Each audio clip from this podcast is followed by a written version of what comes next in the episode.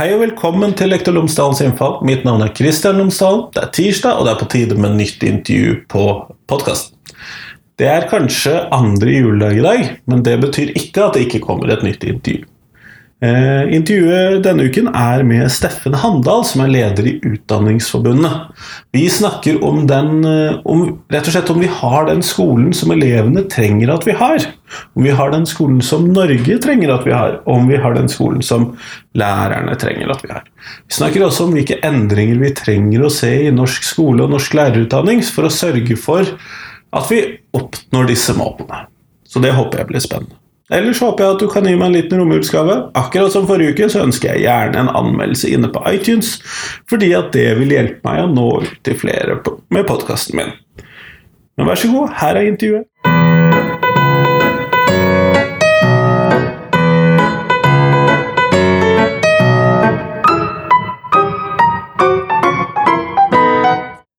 Tusen takk for at jeg har fått muligheten til å snakke med deg i dag, Steffen Handal. Jo, Bare hyggelig. Jeg gleda meg lenge. Vi har jo forsøkt å få det til eh, tidligere òg. Ja, jeg tror jeg sendte deg første mailen da det er 20 episoder, og nå har jeg passert 60, så da Ja, gratulerer. Det tar jo litt tid. Ja.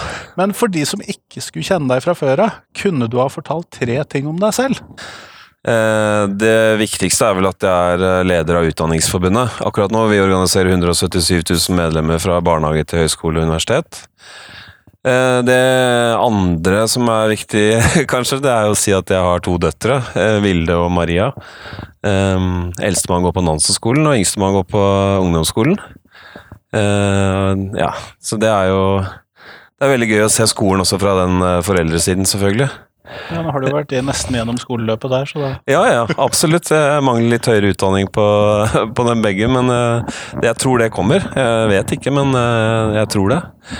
Og ja, den siste tingen om meg, det må jo være at um, jeg, jeg, Hva skal jeg finne på da? Det måtte vært noe litt overraskende. Kanskje at jeg er veldig glad i å danse, egentlig. Ja, nettopp. Ja. Nei, men Jeg er glad i litt overraskelser. Ja. men med andre ord, eh, landsmøtene i Utdanningsforbundet, er det mye dans på da, eller? uh, mindre og mindre. men eh, jeg har faktisk uh, Hvert landsmøte så danser jeg med én i sekretariatet. Ja, så det, det, er en slags tradisjon. Så jeg får i hvert fall én dans. Mm. Så gøy. Ja. men tema for i dag, og det er jo kanskje litt treffende siden vi er på sett dagene nå, når vi tar det opp, og ikke mm. når vi publiserer, da. Men ja. eh, har vi den skolen vi trenger å ha i dag? Um, altså, først og fremst så må vi huske på at vi bor i Norge, i et av verdens rikeste land, og vi har uh, et utdanningssystem som er velutviklet, og som vi har bygget fra grunnen. Eh, og, og, vi har satset, og satser fortsatt, masse penger på utdanning i Norge. Eh, så sånn sett så er svaret ja. Men eh, hvis du stiller spørsmålet litt annerledes, og spør om vi har den skolen som elevene trenger, eh, så er jeg nok eh, mer usikker. Eh, jeg tror kanskje vi har et utdanningssystem som er noe instrumentelt orientert, og som på sett og vis kanskje er for opptatt av at elevene skal ut i et arbeidsliv, eh, ikke at de skal ut i et liv. For mye mål, for mye industrisamfunn-tankegang, altså, kanskje? Litt sånn, og jeg tror også en overdrevent fokus på noen fag, noen prestasjoner, og eh, litt for mye på måling og kontroll. Mm. Nettopp. Og da hører jeg inni der så hører jeg jo da en viss kritikk av fokuset, særlig da på de basisfagene, og jeg hører fokus på mål, øh, og en viss kritikk av øh, målstyringsregimet som er i skolen, da. Helt klart. Hvis jeg tolker deg riktig? Ja, det, det, er helt riktig tolket, og jeg tror faktisk så er ikke dette bare noe som er uh, en erkjennelse som vi i Utdanningsforbundet har. Altså, Stortinget har nylig gjort ganske gode vedtak hvor de uh, ønsker annen, et annet type lærerplanverk. Uh, de har sagt veldig tydelig at det er lærerne som skal avgjøre hva slags metoder man skal bruke i skolen. Og de har også sagt at når vi skal utvikle fremtidens skole, så skal lærerprofesjonen tas med på laget. Det er eh, egentlig en nyorientering i utdanningspolitikken i Norge. En veldig god nyorientering, ny orientering, syns jeg. Det høres i hvert fall ut som et godt utgangspunkt, i hvert fall for Helt klart. et lærersynspunkt som jeg åpenbart har. at eh, vi endelig skal få lov til å få litt fingrene på rattet. ja, det håper jeg også at vi får, og jeg håper også at vi faktisk er villige til, som lærerprofesjon, å delta og virkelig ta henda på rattet og, og bidra til å, å styre, og, og, ta ansvar. For det Jeg tror også vi har vært Og dette beskriver jo rapporten om lærerrollen ganske godt, at vi har egentlig blitt plassert i en litt sånn mottakerrolle, eh, hvor liksom styringssignalene kommer ovenfra, og vi skal liksom bare utføre. Det har nok ført til at lærerprofesjonen også ikke da kanskje opplever i samme grad å, å få ansvar, og dermed også heller ikke tar nok ansvar. Eh, så der, der kan vi også forandre oss, og jeg tror, tror det er nødvendig nå. Det tror jeg vi skal komme tilbake eh, til, fordi at jeg har lyst til å da ta et lite steg tilbake. For du nevnte dette med at, eh, at vi kanskje ikke har en skole som er den skolen som elevene trenger, og at de ikke blir forberedt nok på livet. Men i hvilke utslag gir dette? Hvordan ser vi dette i skolen i dag? Jeg tror um, Det er i hvert fall ikke lærerne sin skyld, uh, tror jeg. Jeg tror nok at vi uh, har vært utsatt for et ganske sånn tungt press på hvilke fag som er viktige, hvilke prestasjoner vi skal eh, måte få elevene til å fokusere på. Eh, vi har gjennom vurderingssystemet vårt vært eh, også kanskje, syns jeg, da, litt ukritisk til noe av den derre eh, egenvurderingen som elevene skal drive, eh, kanskje i til dels veldig ung alder.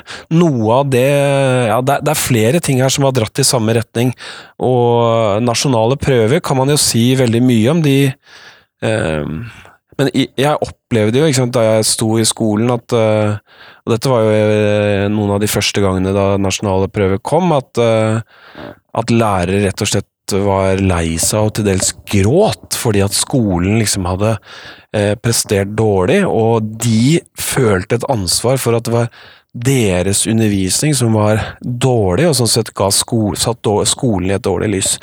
Altså, det, vi driver ikke med konkurranse, det er ikke det vi holder på med, vi driver med danning. Og det å liksom trekke ut da enkeltelementer fra skolehverdagen, eller fra elevenes kompetanse på den måten, ja, det er viktig at vi vet hva de kan, men vi har et mye større og viktigere oppdrag, så vi må, vi må balansere dette godt, og det har vi ikke gjort.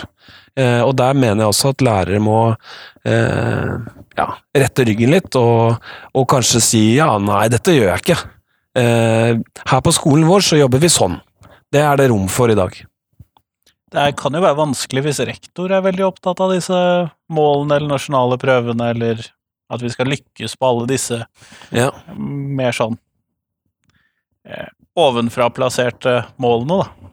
Ja, jeg tror eh, både målstyringen og på sett og vis resultatjaget har eh, plassert rektor i en vrien posisjon. Eh, jeg mener jo Vi skal jo levere resultater. Nettopp, men jeg, eh, eller i hvert fall blir de presset til det. Jeg tror jo eh, jeg tror lærerprofesjonen består både av lærere og ledere, og vi er best når vi samarbeider på skolenivå. Eh, og tar utgangspunkt i hva, hva sier faktisk hele samfunnsmandatet. Hvis vi får skolens folk, lærerprofesjonen, altså inkludert lederne, til å ta utgangspunkt i det, da tror jeg vi ville fått en bedre skole. Eh, og, jeg kan ikke alene legge skylden på skoleledere, det er ikke det som er mitt poeng. Eh, jeg mener at eh, vi har alle et ansvar for å, for å, på en måte få til den nyorienteringen. Og jeg opplever også skoleledere som mener at det er en fornuftig vei å gå. Noen må lede. Altså, jeg er for utdanningsledelse, det er bra. Ja, og det, og, og vi, og vi må. Ja, ja, absolutt. Og vi har jo mange ledere i forbundet vårt også, som helt klart gir uttrykk for at de også har den samme bekymringen som, som lærerne har. Så det er, det er, egentlig ikke noe sånn ja, jeg, jeg syns det der at eh, rektorene liksom mener noe annet enn lærerne, er litt oppkonstruert. Eh, det er ikke sånn på de aller fleste skoler. Eh, det har faktisk vært et problem eh, både for lærere og ledere å uttrykke akkurat det. Og det jo, handler jo også om på en måte ytringsfrihet og alt det der, men jeg ser ikke det som den største utfordringen i norsk, norsk, skole, at rektorer og lærere er uenige. Det tror jeg er eh, oppkonstruert. Ja. Mm. Nei, jeg, jeg, til det har jeg vært for kort i yrket. At eh, jeg har for, for, få rektorer som jeg kan basere min empiri på. Ja, jeg har hatt uh, noen, og Eh, jeg vil si at alle de faller inn i den kategorien om at eh, skolen, skolens folk samarbeider best eh, eh, sammen om å nå samfunnsmandatet. Eh, mindre trykk ovenifra, mer trykk på det som skal foregå i profesjonsfellesskapet, det er viktig. Men hvis vi da tar oss og ser på hva som skal til for at vi får en skole som elevene trenger, eller den de burde hatt, eller hvordan vi nå skal formulere det. Eh, hvordan tenker du at vi burde forandre på skolen eh, slik vi finner den i dag? Er det noen spesielle ting som Utdanningsforbundet her ser på? Er det ja. ja, absolutt. Um, hvis vi kan dra en liten parallell Vi har vært igjennom en, uh, en lang prosess med å få en ny rammeplan for barnehagen. Og da kom egentlig læringssyn og eh, elev- eller barnesyn veldig fort opp som et diskusjonstema. Ja, det var klart at det, eh, den rammeplanen vi fikk, den representerer egentlig en, eh, en, en nordisk barnehagetradisjon som bygger på et elev- og kunnskapssyn som jeg mener er veldig fornuftig. Jeg tror ikke vi ser eh, Vi har ikke hatt den samme debatten i, i, i, skoleverket, og den trenger vi. For vi må egentlig snakke mer om hva slags læringssyn vi legger til grunn for vår praksis, og hvilket barne- og elevsyn eh, vi har. Og At vi må rett og slett ta verdidiskusjoner før vi kan svare på spørsmålet ditt, er poenget mitt. og det, eh, det, det, Vi har jo forsøkt å gjøre noe med det ved å lage en profesjonsetisk plattform, som beskriver egentlig hva lærerprofesjonen legger til grunn for sitt arbeid. Så må vi det må vi diskutere først, og så må vi diskutere hvordan jobber vi hvis vi mener dette. Ja.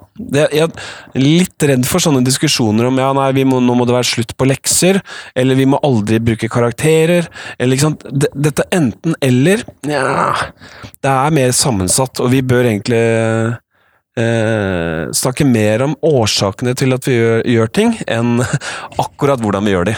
Ja. jo, jo, men det er jo et godt utgangspunkt. Men har vi rukket å gjøre alt dette før vi nå da skal forandre på alle fagene og sånn, sånn som vi har i skolen? For det er vi jo midt inne i nå med denne læreplanomveltningen ja. osv. Jeg skulle ønske jeg kunne svare ja på det spørsmålet, men det kan jeg nok ikke. Men sant, nå, jeg syns jo myndighetene har lagt opp til en veldig sånn åpen prosess. altså Både Ludvigsen-utvalget 1 og 2 var jo åpne prosesser som alle kunne se og delta i og komme med respons tilbakemeldinger tilbakemelding på. Og nå er det jo også sånn at uh, kjerneelementene i fagene er ute til diskusjon, og de har fått Jevnlig på høring, så vidt jeg Jevnlig på høring, ja. Og direktoratet, sant, de uh, opplever jo en veldig stor interesse for fagfornyelsen, og det er jo kjempebra. Men hvis, uh, hvis liksom skolens folk virkelig skal diskutere det som du nå etterlyste, så kan man jo ta utgangspunkt i den debatten der Sett den på dagsorden i fellestiden på skolen. Hvordan skal kjerneelementene i matematikk se ut her hos oss? Altså, hva, hva er det vi egentlig må lære elevene? Å diskutere det gjennom, det tror jeg det gjør vi litt for sjelden. Vi er opp, altfor opptatt av å diskutere det som kommer ovenifra. Jeg tror ikke det er det vi fyller fellestiden med rundt omkring. Nettopp. Og det er kanskje Eller det sier jo lærerrollerapporten også, at uh, fellestiden oppleves som lite relevant for undervisningen. Men det høres jo ut som vi er nødt til å svelge en hel haug med kameler og eh, ta livet av en hel haug med hjertebarn gjennom en sånn prosess? Eh, det kan nok bli resultatet. Eh, men jeg, altså det som er morsomt med fagfornyelsesprosessen, er at ingen i dag kan sitte og si ja, det kommer til å se sånn ut til slutt, og da må noen ha svelget noen kameler, eller Ja, det er jo Alt er jo i spill her. Det er jo det som er det spennende. Jeg tror faktisk ingen har tenkt ja, jeg vet hvordan dette ender. ja, nei, det tror ikke jeg heller. Nei. Foreløpig så ser det ut som jeg på videregående er litt mer forskånet fra fagfornyelsen sånn helt ennå, men eh, det kommer vel Ja, definitivt. Jeg tror ikke, jeg tror ikke du skal hvile der, nei. Nei, foreløpig. Eh, men eh, hvis vi da ser på denne prosessen, og så ser vi litt bort fra den og bortover mot lærerutdanningene. Mm. Eh, for de er jo også en viktig del av å skape da fremtidens skole. Mm. Men har vi de lærerutdanningene vi trenger å ha for å oppnå eh, en skole som er til det beste for elevene, som er som skaper den kunnskapen, eller fremmer den kunnskapen, eller fremmer det læringssynet som vi trenger? Mm. Det er et veldig stort spørsmål, og det er jo sånn at vi har veldig mange forskjellige lærerutdanninger. Eh, De går jo stadig gjennom endringer òg. ja, hele tiden, og det kan jo våre medlemmer i, eh, i lærerutdanningen skrive under på, at de har vært gjennom utrolig mye eh, de siste ti årene. Eh, men jeg tror nok Altså, én ting som som kommer til å prege læreryrket i fremtiden, det er eh, forholdet til forskning. Eh, og det er klart, med den Altså med all den nye utdanningsforskningen vi får, og som ja, pressen og politikere til dels uh, driver litt sånn cherrypicking uh, i, så er det ganske viktig at vi som profesjon um, har et, eh, et um, hva skal jeg si, et profesjonelt forhold til forskningen. At vi klarer å lese den, omsette den, eh, bruke den i vår praksisutvikling. Og det er klart at der, er- der er det nok Det er jo en eh, fordel med master, Ja, vil jeg tro. det mener jeg også at det er, og jeg tror eh, Jeg tror nok det er, det er sant, samtidig som vi skal ivareta eh, for grunnskolelærerne en lang tradisjon der der vi ikke bare skal tenke på fagene, eller på forskningen, når det gjelder fagene, men også forskning som peker på eh, hvordan man forholder seg til små barn. Hvordan man, man driver Altså, hva, hva er god pedagogikk, rett og slett? Eh, og, og det er klart at det kan man ikke eh, drive og synse om.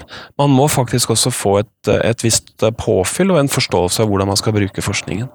Jeg må jo si det at jeg syns at det å undervise i barneskolen virker utrolig skummelt, å skulle stå for den første opplæringen til alle disse seks-syvåringene. Skummelt og utrolig givende. Og det er jo det, sånn er det jo med alle yrker som er skumle, at de er samtidig utrolig givende. Jeg tror, altså jeg har jobba i barneskolen selv, jeg syns jo ja, det, er helt, det er helt magisk. Og det sant, du får de der aha-opplevelsene, de kan jo komme egentlig som, på, som perle på en snor. Eh, og, og du føler jo virkelig at du er med å danne unge mennesker. Så jeg, nei, jeg syns det var helt, helt fantastisk. Skummelt, men fantastisk. Ja. Jeg kjenner at jeg er glad at, jeg, at noen andre gjør den jobben, så er jeg takknemlig for det, og så får jeg de litt senere i løpet. Ok. Der er jeg. Eh, Men eh, hvis vi da ser på disse lærerutdanningene, så er jo det som da har vært preget eh, diskusjonene de siste å- tiår- det siste tiåret, egentlig, er jo dette med opptakskravene som ligger på lærerutdanningene. Mm. Er de riktige, hensiktsmessige, fornuftige, er de på riktig nivå tilpasset, osv.? For det er jo da noe av det som preger at vi har for få lærere som utdannes. Jeg tror det er sånn at uh, vi bør ha noen uh, uh, noen minimumsgrenser for å komme inn på lærerutdanningen. Jeg tror på det. Og jeg tror også at det både kan bidra til gjennomføringen, men også at lærerutdanningen kan legges på et visst akademisk nivå. Eh, og Utdanningsforbundet har jo støttet eh, skjerpelser av, eh, inntak, om, inntakskrav flere ganger. Faktisk så mange ganger som de har vært introdusert, med ett unntak. Og det gjelder firerkravet i matematikk ved inntak til grunnskolelærerutdanningen nå.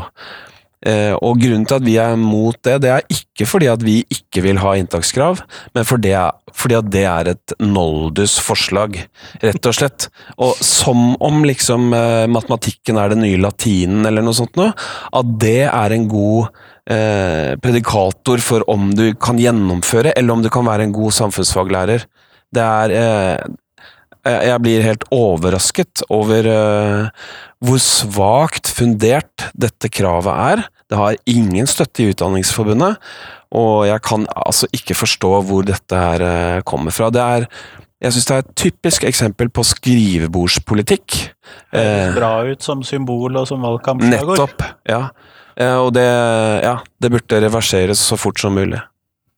Er det mulig å reversere sånne forslag? Fordi at det syns jeg virker som at vi innfører Uansett politikkområde, så innfører vi et eller annet, men vi klarer aldri å bli kvitt det. um, Ja, Det, det, det syns jeg var en nedvurdering av politikken. det er klart eh, dette går an å reversere. Det, og det man har gjort eh, Man har reversert politikk tidligere også, det er fullt mulig. I dette tilfellet så burde man gjøre det så fort som mulig. Man, man risikerer jo, sånn som i dag, at det står tomme plasser på lærerutdanningen, samtidig som vi ser på en lærermangel, og samtidig som andelen ukvalifiserte i skolen øker. Det er jo helt Samtidig som vi da fratar noen muligheten om ti år til å fortsette i læreryrket. Ja, det er jo Ja, don't get me started, liksom. Det Ja. Avskiltingen av lærere, det er et eh, Det er et eh, trist kapittel i utdanningspolitikken i Norge, altså. Det må jeg virkelig si. Det så jo ut som det var prisen man måtte betale for å få gjennom denne lærernormen nå, da. Ja, det kan virke som at uh, Høyre egentlig forsøkte seg på en beinkrok egentlig på sin egen politikk. da. Altså Nå skal jo lærernormen gjennomføres av denne regjeringen. Og det er klart det, blir, det gjør det jo bare vanskeligere at man har gjort dette vedtaket om eh, at man ikke skal reversere avskiltingen av lærere. Altså, jeg, vi skal ha masse flere lærere ut i klasserommene, men vi, noen av dere skal vi ikke ha med. Ja, ikke sant? Altså, det skal bli vanskeligere å komme inn på lærerutdanningen. Lærerutdanningen skal bli lenger. Det skal være strenge krav for å bli ansatt, og så skal vi skjerpe kravene for å undervise i tillegg. Altså, alt det der er jo Ja, det er hmm, fornuftig, liksom. Men man kan altså ikke gjøre det når man har lærermangel. Andelen ukvalifiserte øker. Det er helt hårreisende. Altså, jeg, jeg syns det er så dårlig fundert. Jeg snakket akkurat med Håvard Tjora. Han er jo en av disse avskiltede. Han sto akkurat nede i en sal her eh, på Z-dagene og holdt et strålende foredrag om matematikkdidaktikk. Denne personen, som altså ses på som en ressurslærer, og som regjeringen selv har hyllet, han sier regjeringen ikke lenger kan undervise i matematikk om noen få år. Det er altså helt Det er helt kørka. Ja. Ja, det, det, det, virker jo som at uh, all den den samlingen med tiltak som du da skisserte for å stramme inn på hvem som kan være lærer, som det basically da blir, ville fungert hvis man hadde 20 000 for mange lærere ute i Nettopp. skolen, og så skulle bare trimme dette litt på Ja, kantene. hvis man kunne velge og vrake, ikke sant? Ja. Ja, ja men det er, sånn er det jo ikke i dag, dessverre.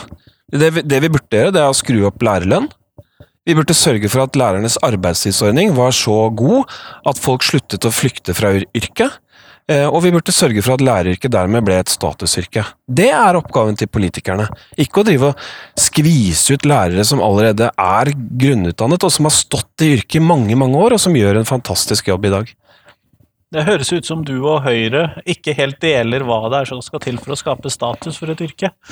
Nei. Det er jo det de sier at de prøver på, i hvert fall. Ja, og nå fremstilles det jo til og med som et problem at vi skal sikre flere lærere til skolen, og nok ressurser til den enkelte skole. Jeg, jeg, det er en vanskelig å henge med på hva, hva Høyre egentlig mener her. Det skjønner jeg. Eh, Jeg kjenner at jeg måtte ha satt meg grundig inn i det hvis jeg skulle operert på høyt politisk eh, nivå i utdanningspolitikken. Ja, men jeg har, til, jeg har bare lyst til å legge til en ting, at Høyre alene hadde ikke klart alle disse tingene. De er avhengig av å ha et stortingsflertall, så flere partier må ta et eh, politisk ansvar for den situasjonen vi er i. Vi trenger flere lærere. Vi trenger faktisk nok ressurser i skolen, og det burde være enkelt å legge sammen én pluss én og få to her. Vi er nødt til å gjøre noe med statusen. Ja. Eh, Jeg Mm. kunne ikke vært mer enig i det, i hvert fall. Mm. Eh, Men hvis vi da ser på fremtidens skole, hvilke elementer tenker du at vil være viktig hvis vi da skal prøve å trekke noen tråder ned til den? Man trenger jo ikke da utforme hele skolepolitikken her nå, men eh, hvilke elementer tenker du? Mer status til lærerne har du jo nevnt, da. Ja. Og mer eh, livskunnskap for elevene. Mm. Jeg tror også eh, det som Ludvigsen-utvalget pekte på, altså muligheten til fordypning, jeg tror det ligger ganske mye der. Det, er, eh, det, det ser ut til å ha stor resonans også i lærerprofesjonen. Jeg tror også eh, det å gjøre skolehverdagen til elevene mer variert, mer eh, Ja, hva skal jeg si, da? Mm, Altså, Legge til rette for liksom nysgjerrighet og kreativitet.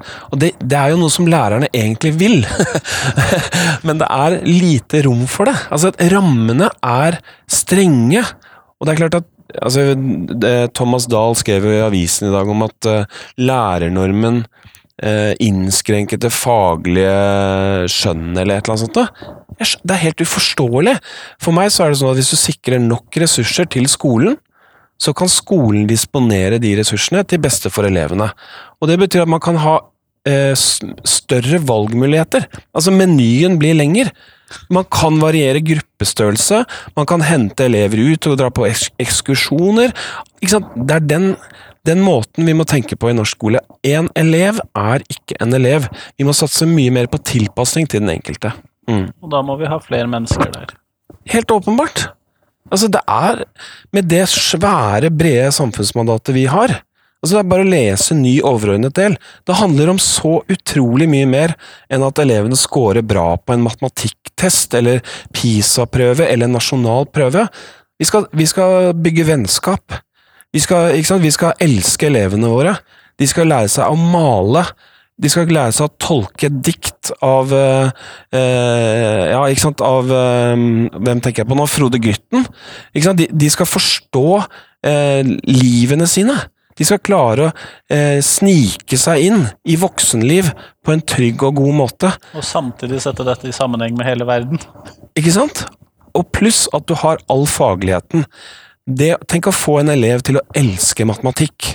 Altså, du er jo lektor, jeg vet, nå vet ikke jeg hvilket fag du har. Kulturfagene jeg har religion, samfunnsfag og historie. Ah, vakkert, ikke sant? Det, men du, du vet jo det, når du får en elev som, eh, som ikke sant, forstår norsk politikk, eksempel. Endelig ser en sammenheng. Ja, eller forstår parlamentarismen, eller liksom et eller annet sånt noe.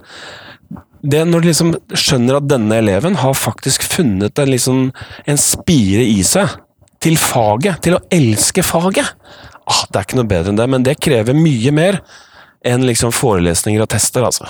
Ja. Det gjør det. Du får ikke mye engasjement ut av en multiple choice-test, i hvert fall. Nei. Og det er jo ikke sånn det er i norsk skole heller, det er ikke det jeg mener. Altså, lærerne gjør jo De strekker seg jo så langt som de overhodet kan. Men man skal jo ha vurderingsgrunnlag, og du Ja. skal oppnå alle målene, Ja. og du skal Ja. gjøre det på begrenset tid, og du har 32 av dem. Og, Ja, ja, ja. I mitt tilfelle, da. 32. ja det er et hårreisende tall. Eh, Jeg er glad det er litt lavere i barneskolen, men det er jo, jeg har jo hørt noen ganske horrible Ja. klassestørrelsestall der. Ja. Og det, jeg sier ikke at ikke man kan ha grupper på 32 i, noen situasjoner. Eller innimellom, eller ja. Ikke sant? Det er jo fullt mulig. Og, og av og til så trenger man to elever. Fordi at man må liksom Det er dem, dem det handler om. De sliter med akkurat det, og det er den, kn den nøtten du må knekke. Men hvis vi skal kunne hente ut de to, så kommer vi tilbake til disse lærerressursene som vi trenger å ha ute i skolen, med Ja. Ja flere med spesped og flere med alt mulig rart, egentlig. Ja. De beste Altså, jeg har sett eh, eksempler på dette både i Norge og i, eh, i utlandet, på eh, at skolen er flinke til å tiltrekke seg andre yrkesgrupper og virkelig hjelpe eleven med de problemene de har, eh, men, men ut fra et sånn faglig ekspertiseperspektiv. Det er klart, det, det, trenger vi, det trenger vi mye mer av i norsk skole. Det er helt klart. Jeg var i går, altså jeg må bare fortelle, jeg var på Var Firda. Firda eh, videregående skole. Eh, og det var altså så inspirerende. Jeg var der fordi jeg sitter i, eh, i juryen eh, som deler ut eh, dronning Sonjas skolepris. Eh, og en fantastisk videregående skole med altså faglig kompetente lærere eh, som virker altså, elsker fagene sine og brenner for det. Og mer enn noe annet er opptatt av, av fagene. Men ikke sant, de har seks, over 60% av elevene er hybelboere og er på skolen. Det krever noe. Det krever noe. Da kan, da kan du ikke liksom Ja, nei, jeg holder bare på med faget mitt. De elsker faget sitt, de holder på med det hele tiden. Men de skjønner at hvis de skal lykkes med skolen, så handler det om å lage et miljø. Ikke sant? De har noe som heter Åpen skole, med en, en eh, liten kjeller der med sofagruppe og et kjøkken. Og, ikke sant? Alle elevene har nøkkelkort til skolen sin. Eh, tenk deg den tilliten. Tenk deg den kulturen som man har liksom brukt tid på å bygge opp. Ja, Det var altså så inspirerende. Fikk helt sånn gåsehud altså, å bare snakke om det nå. Nei, det var veldig gøy. Blir nesten Stolte faglærere, altså. blir Mm. nesten litt som folkehøyskole når du får så mange av de som bor på Ja. Eller som UWC-skolene, hvor du Ja, ja. har elevene boende også. Jeg har min datter på Nansen-skolen på Lillehammer, og jeg fikk egentlig litt sånn samme, samme vibbene. Mm. Men nå ser jeg at vi går mot slutten av tiden, men jeg vil gjerne ha litt tid til at du skal svare på det siste spørsmålet mitt. Og Ja. det er jo som vanlig, hva ville du gjort som skolediktator? Altså Steffen Handal som skolediktator og hadde fritt mandat og fritt budsjett. Hvor ville du starta? Ja. Du skal få slippe å Um, fullføre, men du skal få starte. En av de tingene som er beskrevet veldig godt i lærerrollerapporten, det er jo at eh, diktatoren eh, får ikke gjennomført eh, veldig mye. Eh, hvis, ikke, hvis du forsøker deg på å overstyre denne sektoren, så får du ikke gjort noe som helst. Så som diktator så hadde jeg passa på én ting. Det var at rammene for det arbeidet som skulle foregå på den enkelte skole, var så, godt, så gode som mulig. Det handler om nok ressurser, kompetente lærere, nok andre yrkesgrupper og et profesjonelt eh, språk, fellesskap, et samhold. Og så ville jeg sørget for at eh, elevene elsket å gå på skolen. Det er ganske hårete mål, men eh, nå er jo spørsmålet mitt ganske hårete også, da. Ja, men eh, jeg så veldig mye av dette på Firda i, i går. Eh, altså Der har du en eh, fylkeskommune og en kommune og et næringsliv som også eh, i stor grad bidrar til å legge rammene for suksess. Og nok, der er, ligger nok eh, hemmeligheten på Firda. Det er at de tenker helhetlig. De får med hele lokalsamfunnet. Eh, og de tenker også helhetlig om elevene sine. Heia dem, altså. Kjempeflott. Tusen takk for at du tok deg tid til meg i dag. Jo, bare hyggelig. Takk for at jeg ble invitert.